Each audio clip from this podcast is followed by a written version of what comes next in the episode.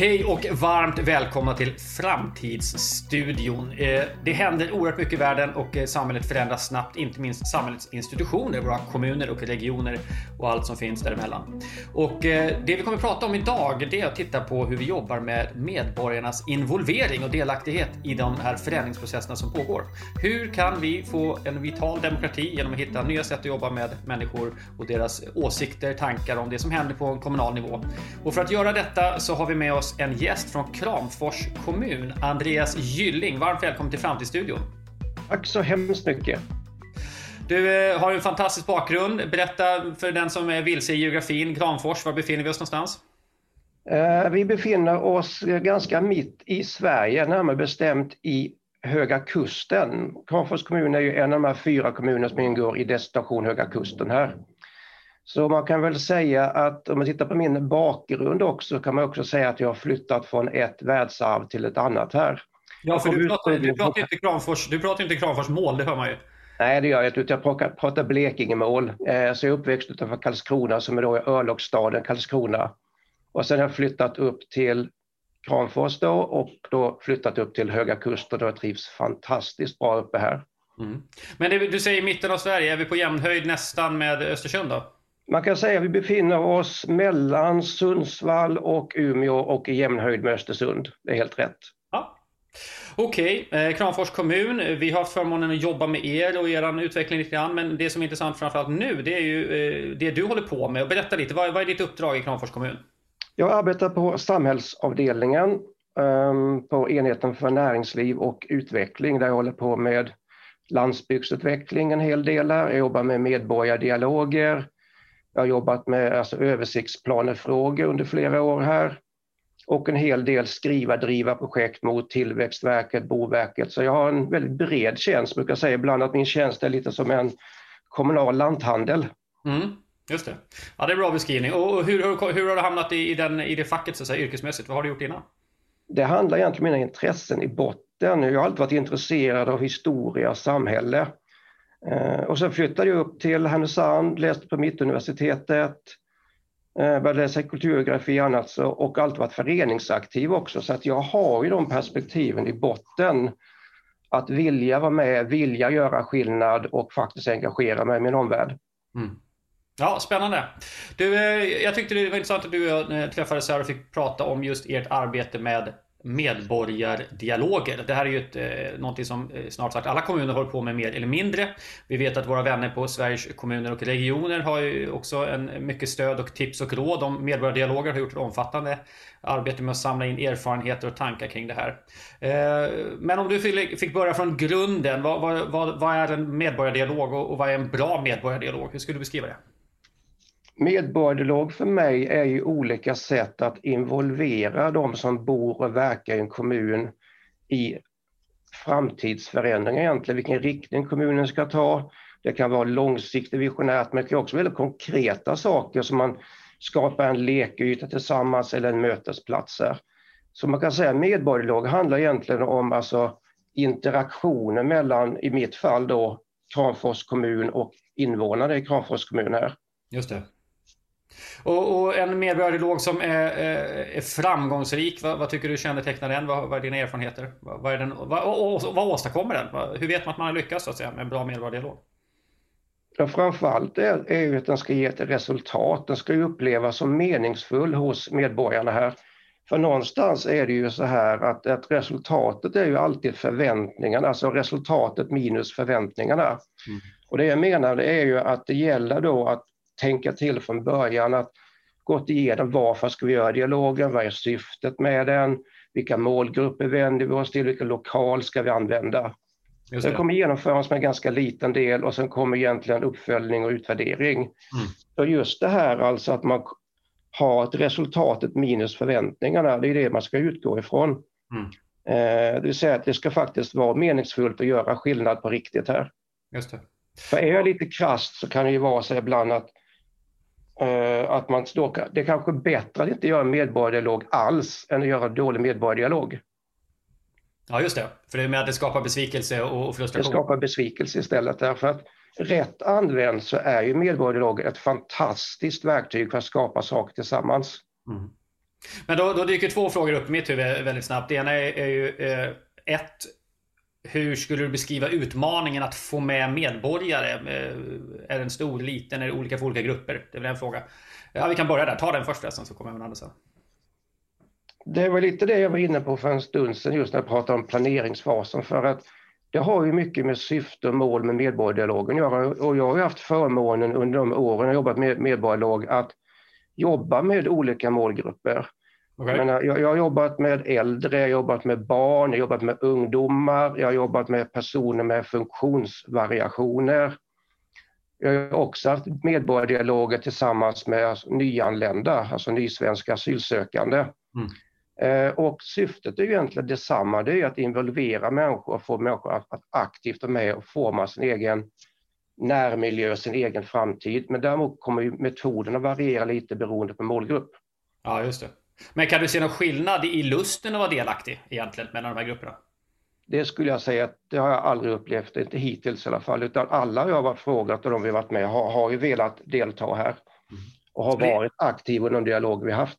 Just det, så det är egentligen ingen utmaning att få respons. Det är inte så, ibland kan det vara så här, som vi till exempel som jobbar med enkäter. Nu, nu gör ju inte vi själva enkätinsamlingen själva, men, men vi vet att olika grupper är olika benägna att svara på frågor naturligtvis. Eh, upplever att det finns eh, utmaningar att nå ut till tillräckligt många. För det ska ju vara, finnas någon slags legitimitet också antar jag i medborgardialoger, eller hur? Det måste ju finnas liksom en känna att det här är en röst som, det är inte bara något fåtal som har uttalat sig, utan det här är en bred bild från, från, från medborgarna. Vad, vad är utmaningen där? Är det svårt att nå ut? Är det svårt att få folk att svara? Både ja och nej skulle jag svara på frågan för att min erfarenhet är ju att hittills sett så har det ju varit lätt att engagera människor, det har kommit personligt medborgarlag, men däremot så har det ibland krävts riktade insatser för att nå vissa grupper. Okay.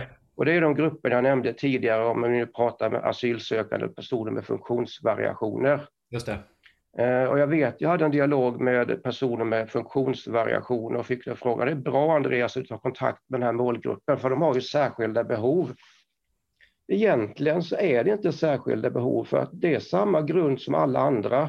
Man vill bli sedd, man vill bli älskad, man vill bli lyssnad på. Mm. Skillnaden är egentligen att det krävs kanske andra verktyg, andra sätt att jobba. Men grunden är precis detsamma, att få vara med och forma sin egen tillvaro. Mm. Mm. Ja, spännande. Den andra frågan, det är ju... Eh, man har ju hört rykten naturligtvis om att, att medborgardialog ibland görs pliktskyldigast. Alltså hur säkerställer man att ett medborgardialogs resultat faktiskt också påverkar politiken? Att det inte bara blir en pseudodemokrati, som naturligtvis inte alla medborgardialoger är. Men det förekommer naturligtvis att man ställer frågor i saker som man kanske ibland redan vet vad man tycker, men man bör ha frågat folk. Är du med? Eller, eller har jag en för mörk bild? Vad, vad är din, vad är din bild? Min bild är ju att medborgarlagen, alltså rätt använd, är ett fantastiskt verktyg. Mm. Men den kräver ju också ett stort förarbete. Och där har ju SKR utvecklat den här alltså modellen styrning för medborgardialog. Att det är viktigt då att om man jobbar i en organisation eller kommun som jag gör, att du har en grund att stå på. Mm. I Kramfors kommuns fall så har vi utarbetade riktlinjer för medborgardialog, alltså vad är en medborgardialog, mm. eh, vilka steg ser vi och hur ska vi gå tillväga här. Och då är det också viktigt om man tänker på nästa steg då, om man nu ska göra en dialog och kommer fram till att nu är det rätt att göra en dialog, så krävs det också att man har organisationen med sig. Mm. Det vill säga att du har kompetens säkrad, politiken är trygg med det som ska göras och att det finns, om det nu ska byggas och göra saker, att man har också kapital, budget med sig. För har du inte de bitarna på plats så är det ju svårt att driva dialoger som faktiskt gör skillnad. Ja, och det är lite menar att förarbetet är otroligt viktigt. Ja. Och du säger att politiken är trygg med det som ska göras. Vad är det som gör politiken trygg? Alltså, hur designar man en medborgardialog eh, på ett sätt som gör politiker trygga? Finns det något generellt du kan säga om det? Jag kan ju ta ett exempel. Jag har varit involverad i vindkraftfrågor under många år. Okay. Och det är en fråga som är känslig, som man kan ha mycket synpunkter för och emot och kan vara väldigt polariserande också. Och vi körde ett större informationsmöte runt just vindkraftfrågor när det var, eh, var en bygd som var väldigt alltså på och inte ville ha vindkraft här. Mm. Och då hade vi mycket diskussioner mellan politik och tjänstepersoner då inför den här dialogen för att mejsla ut vad är syfte, mål, hur ska vi förhålla oss, vilket språk använder vi? Och det är det förarbetet som jag menar är jätteviktigt och betydelsefullt. Mm. Så att när vi går ut på en dialog så är ju vi sampratade politik och tjänstepersoner. Skulle du säga att de medborgardialoger du varit med om, jag antar att det varit en blandning av det här, men jag tänker man kan ställa medborgardialoger som handlar om vad ska vi göra för att göra det här bättre? Eller ska man ställa frågor som vi har tänkt att göra det här, vad tycker ni om det? Du har ju båda verktygen egentligen. Men det, det ena du sa att vi, vi tänker göra det här, det är lite mer egentligen en konsultation, man kan man säga. Det är ett steg på den här delaktighetstrappan, det vill säga att vi har det här alternativet eller det här alternativet, vilket tycker ni i egenskap av medborgare är bäst? Ja. Eh, du kan ju också välja att öppna upp en dialog, att egentligen börja med ett blankt papper. Jag har drivit sådana dialoger också, mm. där egentligen man har vetat att vi ska jobba med ta fram en insats eller göra någonting i den här orten. Mm. Och sen har processen då till slut lett fram till ett konkret resultat.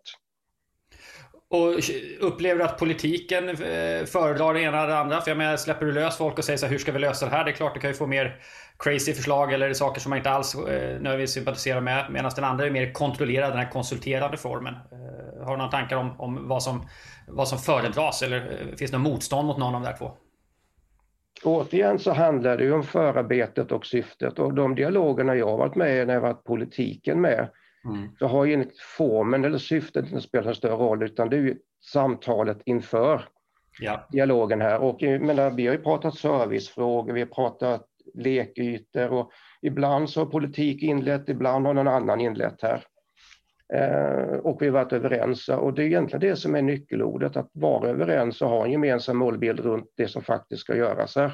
Mm. Ja men intressant, kul. Det här var lite mer allmänna och generella frågor kring det här med medborgardialog. Men jag tänkte att du ska ju få berätta också om saker ni faktiskt har gjort. Eh, ni har gjort intressanta kartläggningar tycker jag av medborgarna och deras eh, tankar och åsikter kring saker och ting. Jag tycker vi ska dyka in här. Och nu för första gången då i, i Framtidsstudion så gör vi det här i ett format som eh, också innehåller bild. Så vi ska försöka förklara lite grann bilderna vi visar men sen kan man också se eh, alla bilderna och hela det här samtalet då på Youtube förstås då på Kairos Futures kanal. Men, men låt oss kliva in i någon av de projekt som du har varit inblandad i i Kramfors. Du kan väl beskriva vad det är för någonting och, och, och hur det har gått till? Ja, det finns ju ett par alternativ att välja på. Jag tänkte vi kunde ju börja med eh, Ullånger här som är ett exempel då på väldigt alltså, konkret dialog här. Eh, där vi egentligen började med då att göra ett större informationsmöte på orten. Och berätta, vad är Ullånger för något? Är det en ort eller? Ullånger är en ort i Kramfors kommun. Man kan, ja. Det bor någonstans mellan 700 till 800 personer i orten här. Mm. Eh, ligger i Höga Kusten och orten är också lite spännande på det sättet att den har en hel del service också. Eh, det finns bank och det finns livsmedelsbutik och annat som kanske en ort i den storleken inte brukar ha. Så det, det är en intressant ort att jobba med. Mm. Och, eh, och då också ett viktigt servicenav i Höga Kusten här. Just det. Mm. Eh, och tanken vi hade i Ullånger var ju att egentligen testa och utveckla nya metoder för medborgardialog. Så då hade vi det här förarbetet som jag pratat om inom kommunen, hur vi ska lägga upp det. Men innan vi gjorde någonting i Ullånger så kallade vi till ett informationsmöte. Och där var ju med en, eh, säkert 40-50 personer från föreningslivet där vi berättade om tanken, projektet och vad vi vill göra och vilka steg den här dialogen skulle innehålla. Mm. Och det vi också kunde säga då var att i år, det här år ett, så att säga, då kör vi medborgardialogen. Mm. År två så satsar Kramfors kommun 600 000 kronor på att börja genomföra det ni pratat om. Så att tillsammans under mötet kom vi överens om ett upplägg då på en medborgardialog som egentligen inkluderade fem steg kan man säga. Men jag måste bara fråga, backa. Alltså, tanken var som sagt att testa nya former för medborgardialog. Ja. Men, men ämnet, frågan vad den skulle handla om, det var så att säga helt öppet, eller vadå? Ja, det var ju så då att då hade vi de här, vi kallade tätortsmedlen, eh, som var en miljon kronor då och i Ullångers fall så var det avsatt 600 000 kronor till året efter dialogen. Ja. Och hela tanken med dialogen var ju att arbeta fram vad ska de här 600 000 kronorna användas till. Okay, så ja. det innebär att utgångsläget var ju som jag sa innan egentligen ett blankt papper. Det fanns ju ingen konkret idé att den här platsen ska vi jobba med eller den här platsen eller den här platsen eller det här ska byggas. Utan det var ju någonting som växte fram under resans gång genom de verktyg vi använde då tillsammans med boende och verksamma i Ullånger. Ja, okej. Okay. Ja, men då förstår jag utgångspunkten så att säga. Och sen har du tagit med en, en bild här som eh, beskriver den här processen om jag förstår det rätt. Är det, stämmer det? Det stämmer ja. Mm. Um, jag, jag, kan bara kort beskriva eh, lätt för, för lyssnarna här hur det ser ut. Det, det är en, en, en, affisch kan man säga. En, en, en bild med en grön bakgrund och i mitten ser man en karta över Ullånger. En, hämtad från en, vanlig eh, eh, karta helt enkelt. Man ser orten där den ligger vid ett vatten, eh, vattendrag. Och runt omkring finns det då ett antal eh, tomma ytor som är numrerade och färgade i lite olika former. Och man kan gå från start och så går man runt alla dessa ytor och kommer tillbaks till mål. Och du kan väl mm. ta oss igenom den där processen om det eh, Precis. Eh, som jag sa i Ullånger så använde vi flera olika metoder. Vi gjorde en temadag på skolan, fantastisk upplevelse, tätortsvandringar. Men så utvecklade vi just det här kartan eller spelet som du nämnde här. Mm. Och man kan egentligen säga att det här är ju en, om ni tänker den här bilden som ni ser nu här, så är det ju egentligen en stor papperskarta som man delar ut vid en egentligen gruppdiskussion och delar in deltagarna i grupper som får tillsammans sitta och fundera runt sin egen ort, sin egen plats. Så det är egentligen en A2 i papper som rullas ut när vi gjorde det här. Okay. Det man egentligen börjar med längst ner, de som är lite beigea, det är ju att fundera lite mer runt de här mjuka värdena, liksom vad kännetecknar mindre ort? Vad är Ullånge? Hur är Ullånge? Vem besöker Ullånge? Vem bor där? Just det. Och här ser man då en rubrik som heter del 1, tankar och attityder och så finns det de här beigea rutorna att fylla i. Det är precis de jag syftar på nu. Det är ju de här bitarna alltså. Vad, är, vad, är, vad tänker runt med att prata mindre ort i Sverige? Hur är Ullånger? Hur, vem bor där? Vem besöker? Så bygger man ju bottenplattan mm. tillsammans. Då jobbar ju varje grupp utifrån de här frågorna. Det finns också framtagna processledarkort då ju. Och sen tar de här grupperna och pratar ihop sig, man stämmer av att ja, få konklusioner. Så jobbar man ju sig vidare in i det mer blå fältet här. Och då är det dags att börja fundera över alltså, vad behöver exempelvis jag då att för att trivas i Ullånge i det här fallet som tjej, kille och utifrån ålder. Just det. Och här har vi då del två, står det framtidsbilder och så en massa blå fält att fylla i. Då. Det är blå fält, ja. Eh, och då får man ju fundera det enskilt och sen redovisa det i grupp då och sen börja fundera vidare på vad lockar besök i Ullånge, vad har vi för besöksmål, vilka utmaningar finns det för orten att få utvecklas och hur löser vi dem? Mm. Och sen får man liksom börja fundera i slutet då, men hur vill vi att Ullånger ska se ut om exempelvis tio år? Just det, och det är del tre, målbilden. Det är målbilden, ja. Mm. Eh, och lite finessen med den här kartan också, eller bilden, är ju att du har ju en karta i mitten som visar samhället. Ja. Så det innebär att någon i gruppen sitter, ja men jag menar den här ytan, då kan man ju också visa i papperskartan, var är jag i Ullånger i det här fallet just ja. nu? Skulle du säga att det blev mycket sådana frågor? Alltså att man pratar om ytor och platser och konkreta saker, byggnationer på olika sätt. Tenderar det till, att komma i huvudfokus? I motsats till processer? Det var, ja, det var en hel del sådana frågor som kom ut i slutet av det här. Ju. Ja. Och det fina var ju sen att när man har gjort de här, alla de här stegen egentligen, då har du en grund att jobba vidare med. Ja. Och då rullar du ut en kartbild egentligen där man ser mitten av hela Ullånger och kan börja fundera, vad skulle vi vilja se hända i samhället om exempelvis två år, fem år, tio år. Mm. Och egentligen börja skissa på någon form av utvecklingsplan tillsammans då med aktiviteter. Mm. Och då när du säger plan, då blir jag nyfiken. Var det så att det var klargjort för, för deltagarna att eh, det som eh, diskuteras här, det kommer sen diskuteras i politiken och sen beslutas det att genomföras och då förvänt, förväntades det någonting av dem så att säga, att de skulle vara med och genomföra någonting? Eller var det så mer att det här blev en potentiell beställning till kommunen?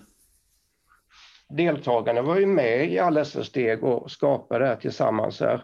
Och det intressanta med hela Ullångesresan är ju att man kan säga att det är en deltagardriven process där kommunen mer fungerar som en coach egentligen skulle jag vilja säga här. Den faciliterar. Och tog fram det successivt här. Och vi hjälptes ju åt att skapa det som faktiskt blev slutresultatet, nämligen generationernas park centralt belägen i Ullånger.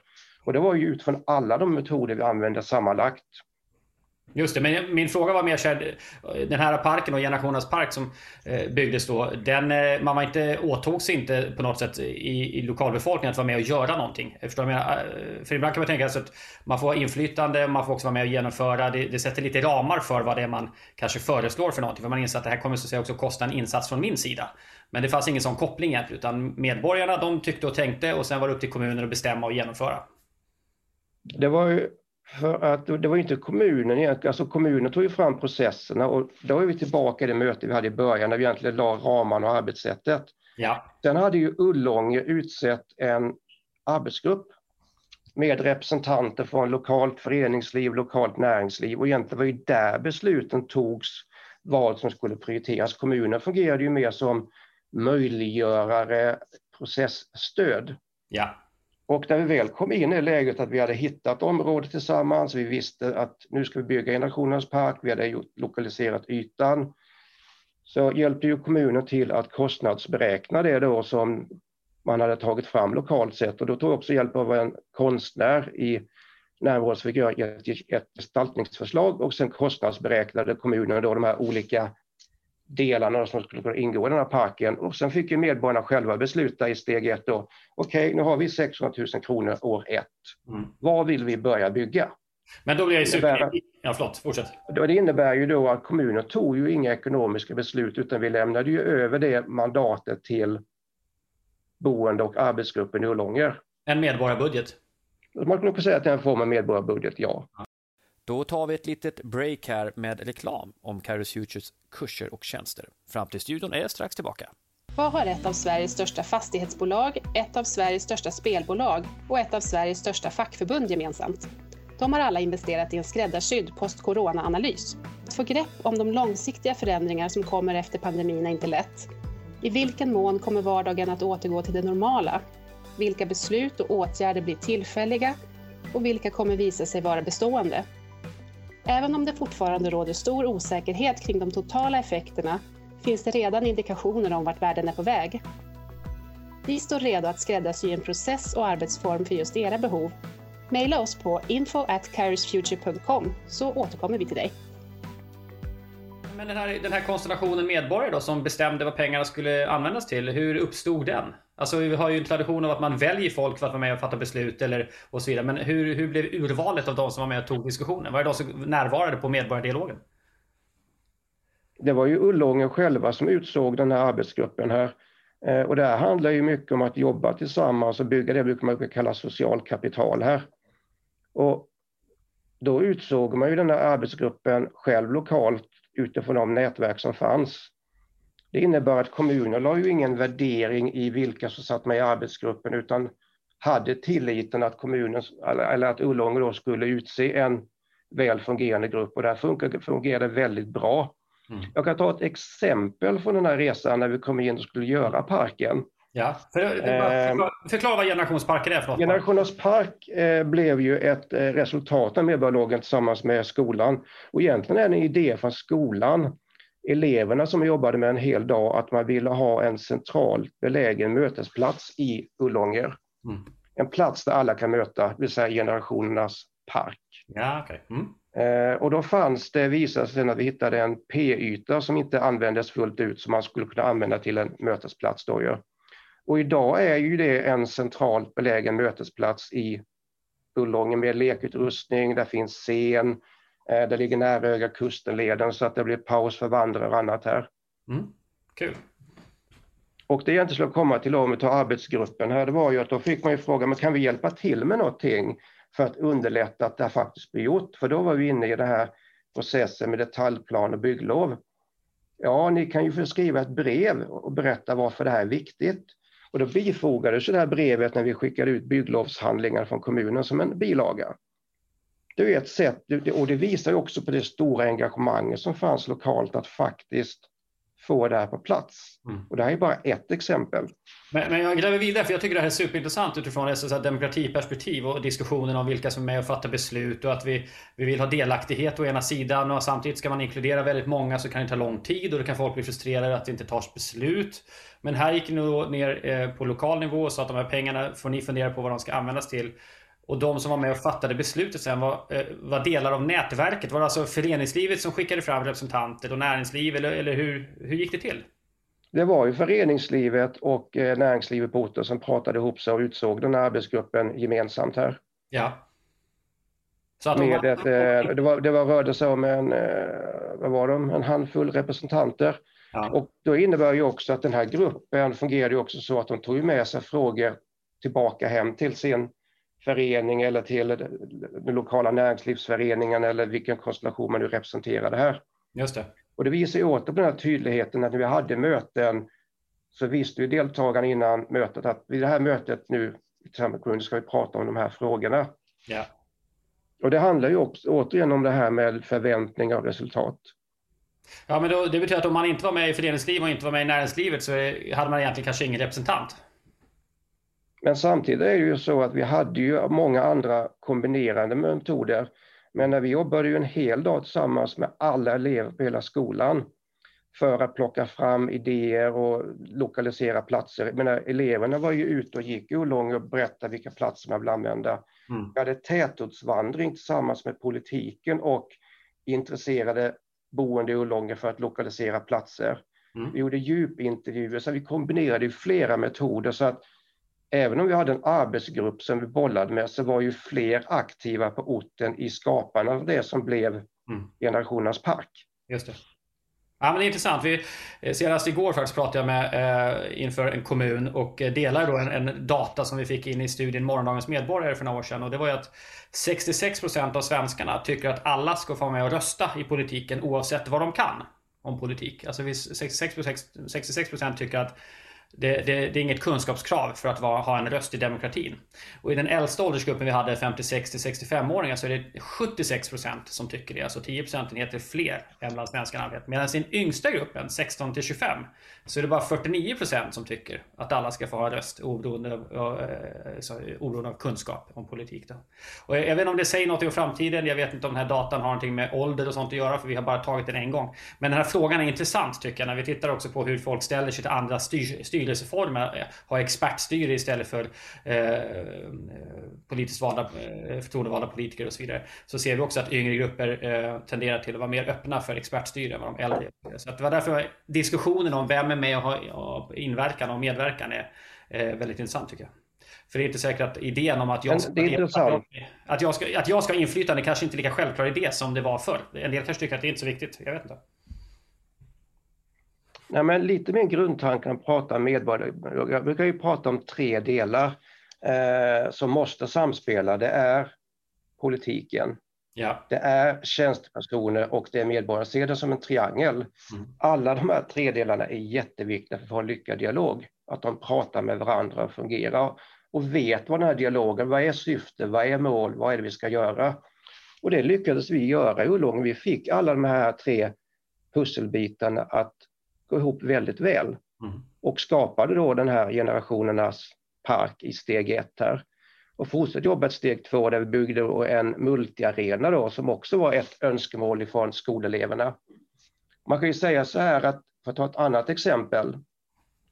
Vi gjorde dialogerna i juni var det. På hösten i oktober, november så fanns det ett politiskt beslut om sänkt hastighet utanför skolan ett direkt resultat av medborgardialogen. Och det är också viktigt att kunna göra sådana saker för att bygga den här legitimiteten och visa att det lönade sig faktiskt att vara med och forma sin egen ort. Just det. Du menar att det fick en direkt konsekvens? Det hände någonting? Det hände någonting, ja. Precis. Och sen året efter började vi bygga parken och sen år tre fortsatte vi bygga parken. Jag menar, det här var ju ett flerårsprojekt och det visar ju också att om man gör medborgardialoger så är det ju också viktigt att vara uthållig. Mm. Det är ingen quick fix på det sättet, utan man måste ha en längre plan och kunna jobba tillsammans länge för att faktiskt se resultat. Ja, just det. Långsiktighet och uthållighet. Mm. Mm. Du, innan vi snart går in och börjar titta lite mer på framtiden och vad du tror om medborgardialogernas utveckling, utveckling och kanske också lokaldemokratin på det sättet då. Så tänkte jag, du ska få berätta någonting också om eran mentala eh, karta som ni gjorde i kommunen, för det tycker jag är intressant. Eh, inte glasklar för mig koppling till medborgardialog, men det kanske du kan berätta. Men, men berätta lite grann. Vi, du har delat några bilder med mig här man ser en, en kartbild över eh, Kramfors kommun. Och man ser hur ni har då ställt frågor till medborgarna eh, beroende på också vilka, och redovisar här då svaren utifrån vilken halva av Ångermanälven eller vilken sida av Ångermanälven som man eh, bor på. Berätta lite grann, vad var tanken med den här kartan och vad är det den visar egentligen? Mm. Eh, tanken var ju så att vi, vi har jobbat med medborgarlagen under ganska många år i Kramfors kommun. Det här var ett sätt att testa och utveckla nya verktyg för medborgardialoger.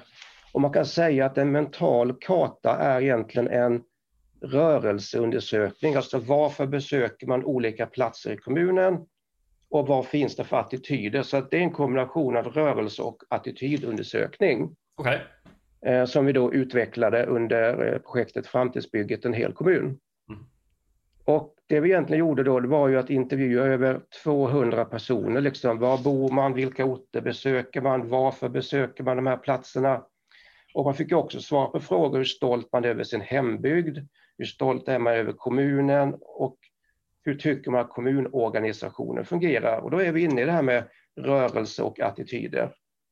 Och om vi tittar på kartbilden så visar ju den lite olika saker här. Dels så har vi de här gula trianglarna som kallas för landmärken. Det är alltså platser i landskapet som är kännetecknade på något sätt. Det är ett naturliga blickfång man kan vara stolt över dem här. Och, eh... och, det, och bara för att exemplifiera för lyssnarna här. Nu ser vi alltså en karta över, över Kramfors och eh, de här gula trianglarna är till exempel då Höga Kustenbron som många av oss har sett i bild och verklighet och sen Skuleberget.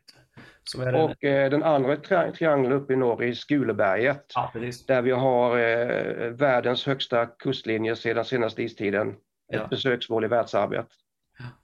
Ja, Precis, det var de. Vad var det mer på den här kartan då, som visar ett antal tårtdiagram och eh, cirklar runt? Mm. Det är ju målpunkter, de här tårtdiagrammen, det vill säga platser som man åker till och gör olika saker här. Eh, det man ska säga också här om den här kartan är ju att vi har väldigt mycket information. Eh, det innebär att vi har ju valt att visa de fem mest besökta punkterna, de fem mest besökta landmärkena. För det går inte att visa hur mycket information som helst i en papperskarta, den blir väldigt plottrig. Mm. Men man ser ju också att de har lika olika inriktningar, de orterna. Om vi tittar då på Kramfors stad, Nyland och Ullånger så är det mer betoning på att du besöker orterna för serviceändamål. Det vill säga butiker, bank, skola och den typen av verksamhet. Just det, men det här är alltså medborgarna själva? Ullånger drar ju mer åt rekreationshållet.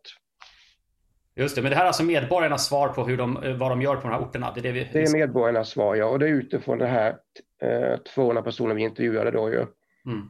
Eh, tittar vi vidare då så har vi de här blå distrikten i områden som man tycker hör ihop på något sätt här, som är likvärdiga då. Vi frågade om stråk, det vill säga alltså hur man rör sig.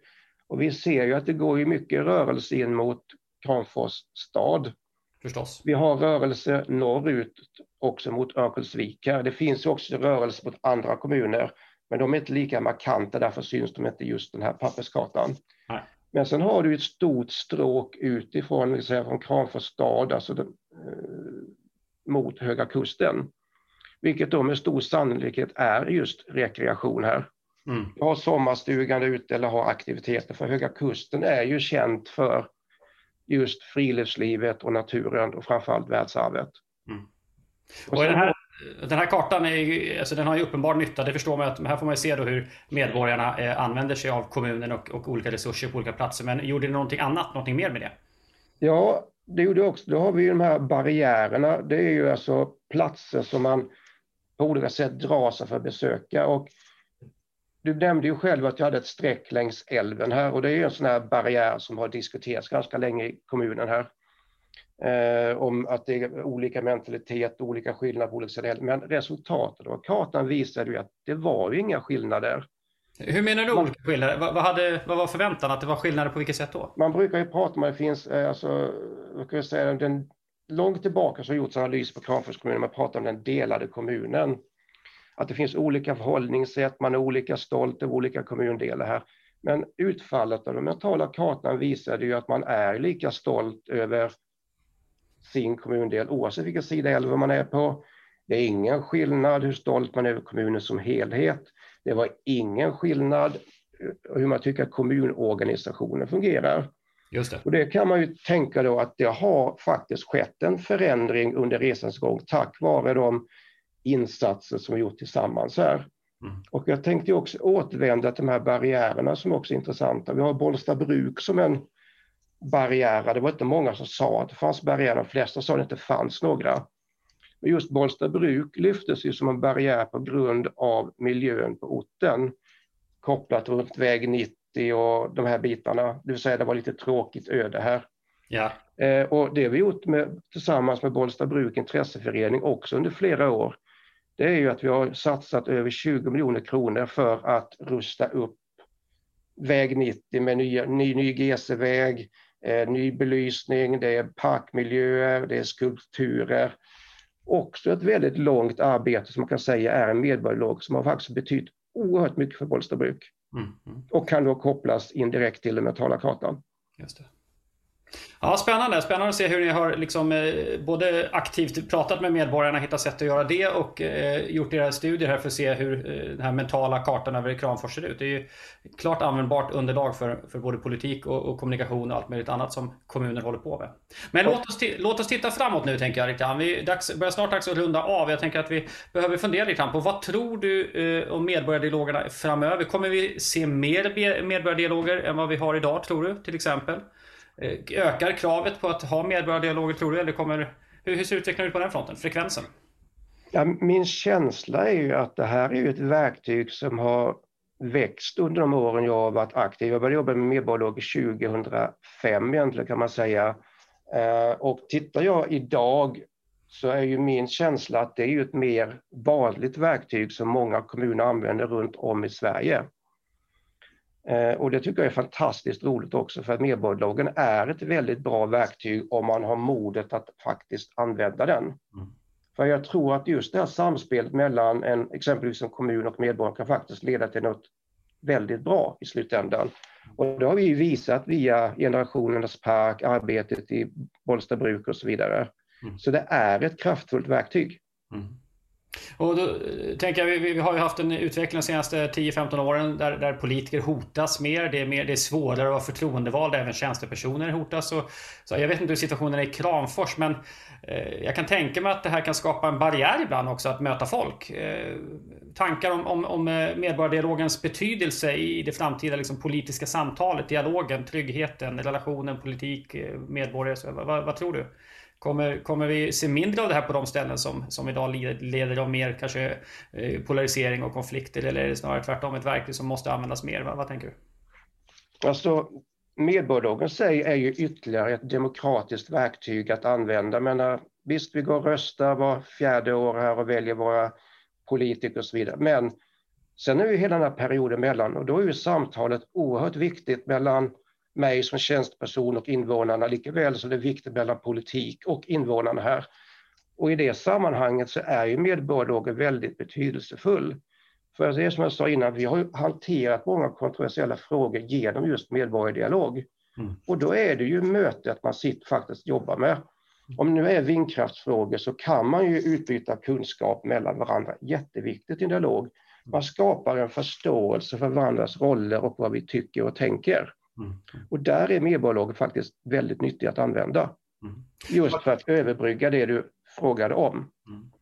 Har du någon uppfattning om eh, Sverige jämfört med andra länder på medborgardialog? Finns det något land som är känt för att de har väldigt mycket, eh, mycket högre? Vi har naturligtvis Schweiz då som har ständiga omröstningar, men, men, men andra ställen som man kan inspireras av? Har du någon spaning? Det finns ju runt om i världen flera platser som använder medborgarlag. Jag vet att i Finland har man jobbat i städer exempelvis med orts och platsutveckling med uh, olika verktyg här. Mm. Uh, du har fler exempel från USA där jobbat med medborgarbudgetar, medborgardialoger. Så att det finns ju exempel att inspireras av. Det finns kommuner i Tyskland som jobbat med dialogprocesser runt Agenda 2030. Mm. Uh, så det finns ju mycket att plocka utrikes också, men det viktiga ändå är ju att ta det här och sätta in i sin egen kontext. Hur fungerar min kommun, min region och använda de verktygen som faktiskt känns rätt där man själv lever och verkar. Mm. Jag tror det var för två år sedan något som jag läste om Mexico City så är väl kanske inte världens största stad längre men en av absolut topp fem tror jag. Eh, enormt stor och de skulle göra sig en ny konstitution vilket de alltså gjorde i en slags digital medborgardialog. Eh, vad tänker du om de digitala verktygen? Kommer medborgardialogerna se annorlunda ut i framtiden? Jag tänker du pratar om möten, fysiska möten, man sitter med utskrifter och, och skriver på papper och så här. Och det, har en, det är ju jättebra metoder att använda. Eh, å ena sidan. Å andra sidan nu har vi accelererat digitaliseringen över pandemin. Folk är vana att delta på olika sätt. Nya verktyg har blivit mer kända. Eh, hur tror du utvecklingen ser ut? Kommer vi eh, se mer eh, digital teknik i medborgardialogerna och mer system i kommunernas verksamhet? Ja, skulle jag få gissa och spekulera lite så tror jag att användningen av digital teknik kommer öka. Jag kan ju bara titta på corona och hur jag själv arbetat så har ju de digitala verktygen tagit större plats och jag tycker också att det har blivit väldigt mycket bättre under resans gång. Jag har ju deltagit på workshops och annat under coronapandemin och verktygen har blivit bättre, de flyter på mer och mer så att de är ju ett jättebra verktyg för att nå andra grupper i samhället. Men kallar man till ett stormöte så är det kanske en viss kategori som kommer, men gör du samma sak digitalt så kanske det är andra målgrupper som kommer. Och det är det som är spännande med den digitala tekniken, att du kan nå fler personer på andra platser mm, mm. och vid andra tider. Så det är ju ett fantastiskt verktyg. Mm, mm. ja, men, ja. men samtidigt är det ju så här, måste man också vara medveten om att det finns ju också en utmaning och det är ju att alla kanske inte är vana vid att använda de här digitala verktygen. Det kan finnas språkbarriärer och annat. Så att det är kombinationen som jag ser som viktig här, just att kunna använda både kanske de här stormötena, de mer traditionella, och de digitala verktygen. Mm. Så ena behöver inte utesluta det andra, men de digitala verktygen är nyttiga, de är användbara. Mm. Det går att visa väldigt mycket väldigt snabbt också via omröstning och annat live där man har en medborgardialog, mm. vilket är nya verktyg som betytt mycket. Mm. En mer övergripande fråga, du pratade förut om när vi pratade om Ullånger där de hade 600 000 kronor att, att använda till lokal utveckling. Och du beskrev eh, kommunen som var en coach eller en facilitator som vi brukar säga ibland, en faciliterande institution. Så att, är det en utveckling du tror vi ska vänta oss mer av? Att kommuner blir den här plattformen för lokalt engagemang. Man, man, hittar, man hjälper till med processer och, och resurser i viss mån men att det är mer, eh, mer medborgardelaktighet som, som, eh, som eh, kan förväntas framöver. Är, är det en utveckling du ser på bred front? Jag menar, ni, ni jobbar ju mer så, så jag, men, men jag tror att det är en, en bred utveckling. Jag har ju förmånen att få med i de här nätverken som SKR har här. Eh, och min känsla är ju också att vi har blivit fler under åren som jobbar med de här frågorna. Då kan vi också utifrån det tänka sig också att medborgarlagverktyget eller delaktighet är en process som kommer att växa framöver för att används de här verktygen och dialogerna på bra sätt så kan man göra väldigt bra saker tillsammans. För jag tror ändå samtalet är ju grunden för att utveckla en kommun. För någonstans ligger det en sanning att framtiden bygger vi tillsammans och då är ju delaktighet, inkludering oerhört viktiga faktorer. Mm. Ja, inte minst i en tid när, när fundamentala eh, system i samhället håller på att eh, ritas om för att vi måste få en mer hållbarhet. Och då blir det naturligtvis viktigt att ha med folk på, på resan. Och jag tänker också att en del av de frågor som politiken jobbar med kan vara väldigt komplicerade. De kan vara väldigt abstrakta. Det är knappt att fritidspolitiker orkar sätta sig in i allting själva heller, utan det är tjänstepersoner som har tid att göra det. Eh, men för att medborgarna ändå ska känna en delaktighet så kanske det är just diskussionen om generationernas park som gör att man känner man är ändå med i diskussionen. Även om man inte är med i alla diskussioner så finns det ändå en relation mellan mig och politiken och, och demokratin och sådär. Och där, där, kan jag tänka mig att det, det, spelar en väldigt viktig roll framöver. Och sen finns det ju också en viktig del, nu har vi pratat om just de som är med i dialogen här. Men sen är det ju hela kommunikationsspåret att om vi nu tar Ullånger återigen som exempel så publicerar ju den här arbetsgruppen och personer i Ullånger alltså nyheter, vad händer på deras egen alltså, bygdewebb egentligen, Ullångers egen webbsida. Det skrevs om det i Kramforsbladet, det skrevs om det i andra forum, medier. Så vi jobbade ju mycket med kommunikation också kopplat för att berätta var är processen, vad händer i nästa steg. Just det. Det innebär, även om jag sa att jag hade medborgarlag på skolan år ett, så träffade jag fortfarande klasserna år två, år tre för att berätta om vad händer nu, vad är vi på väg, är alternativt hade kontakt med personalen här. Mm. Så att kommunikationen är också oerhört viktig när man jobbar med medborgarlager. Mm. Transparens. Både före och efter. Mm. Både inför medborgardialogen att kunna berätta alltså vad är syftet, vad ska vi uppnå? Det har jag provat. Mm. Eh, jag drev överlag för ett par år sedan här med att då skicka ut sms egentligen när man anmälde sig mm. och berättat varmt välkommen till den här medborgardialogen. Eh, kul att du engagerar dig. Eh, vi kommer att prata med frågor. För mer information besök den här webbplatsen. Mm. Det innebär att då har man ju börjat jobba med förväntningar. Man har bara liksom börjat ställa in vad är det vi ska prata om, vad finns det för underlag? Och sen kunde jag ta med mig kompetens från kommunen inom fastighet eller det var skola då för att fylla på. Och efter dialogen var klar, återigen skickar vi ut ett sms då. Tack för att just du deltog i medborgarlagen. Nu ligger resultatet ute på den här webbsidan. Just det. Hör gärna av dig. Tack mm. så mycket. Då, då jobbar man med hela paletten på ett helt annat sätt. Kombination både före, under och efter. Du, om vi skulle runda av nu med tre stycken tips till den som står i, i, i eh, begrepp att inleda en medborgardialog. Vad skulle du säga är dina tre nedkokade tips? Det första är ju alltså inkludering skulle jag säga. Eh, och det är ju att jobba både internt inom egna organisationer, så att organisationen man sitter i, oavsett om det är en kommun eller region eller vad det är, är trygg med det som dialogen ska leda till och göras. Ja. Eh, sen kommer den andra biten att man måste ju också tänka efter platsen när man faktiskt jobbar med dialogen, att känna platsen. Vad är det för typ av plats? För att det innebär att en modell kanske funkar jättebra på ett ställe men sämre på ett annat ställe. Så att platskännedomen är ju oerhört viktig. Mm. Och det sista jag skulle säga, det är uthålligheten. Det vill säga att det här tar tid, men det är väl värt att investera den tiden det faktiskt tar att göra en dialog.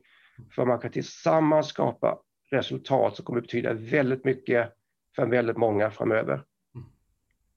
Du, det var en bra avslutning. Tack så jättemycket Andreas för dina tankar om medborgardialogen idag och i framtiden. Och eh, vi lär väl höras igen förr eller senare, men, men njut av ditt världsarv så eh, säger jag tack för den här gången. Tack själv för att jag fick möjligheten att vara med här. Framtidsstudion är slut för den här gången. Eh, vi hörs snart igen och ni hittar oss som vanligt på webben med rapporter och annat som ni kan ladda ner som Kairos Future Friends. Och har ni frågor och funderingar kring att jobba i den offentliga sektorn, saker ni behöver hjälp med i strategiutveckling, eh, analyser, vad det var för någonting, så hör gärna av er. Och samma sak förstås om ni jobbar i privata sektorn med företag som vill förstå marknaden, framtiden och bygga en klok strategi. Det här var allt från Framtidsstudion. Jag heter Fredrik Thorberger. Thank you.